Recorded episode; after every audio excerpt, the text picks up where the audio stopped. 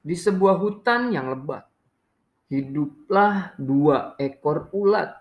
Yang satu bernama Vintu, yang bersifat ramah, rendah hati, dan baik. Sedangkan yang satunya bernama Tufi, yang bersifat angkuh dan suka meremehkan binatang lain. Pada suatu hari, saat Vintu sedang mencari makan, ia bertemu dengan Tufi. Hai Tufi, bolehkah aku meminta sedikit makananmu? Pinta Vintu. Hei, Vintu, ini makananku dan tetap makananku. Sana cari makanan yang lain. Tolak Tufi. Ba baik. Vintu menunduk dan berlalu. Lain hari akan ada pesta hutan. Semua binatang diundang.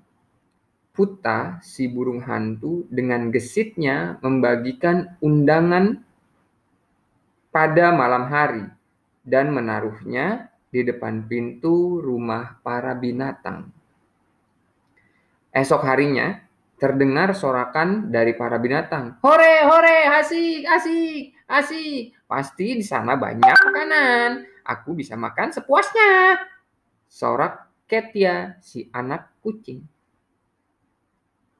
Aku juga bisa. Apa, Makan biji-biji, pok, pok, pok, pok. Oh ya, bagi para ulat, Kalian tenang aja. Pok, pok, pok, pok, pok. Aku tak akan makan kalian kok. Pekik caki si ayam jago. Vintu hanya tersenyum mendengar pernyataan teman-temannya itu. Namun tiba-tiba, ah, itu hanya pesta kecil. Lihat saja, suatu saat nanti aku pasti bisa membuat pesta yang lebih besar. Dan kalian tidak diundang. Dengan angkuh Tufi berkata, Tufi, Kau tidak boleh begitu. Seru Piku si beruang madu. Huh, biarkan saja. Balas Tufi sambil pergi. Beberapa hari kemudian, Tufi dan Vintu sudah menjadi kepompong.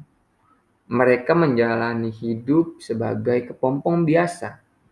Beberapa minggu kemudian, mereka sudah keluar dari kepompongnya Tak disangka sayap Tufi berwarna hitam, sedangkan Vintu malah berwarna-warni. Tufi tahu, mungkin ini akibat keangkuhannya. Ia jadi sangat menyesal. Itu cerita yang berjudul tentang ulat yang sombong. Sifat sombong tidak baik untuk hmm, ditampilkan dalam kehidupan kita karena sifat sombong dapat merugikan diri kita sendiri. Oke, itu cerita hari ini. Semoga kalian semua terhibur.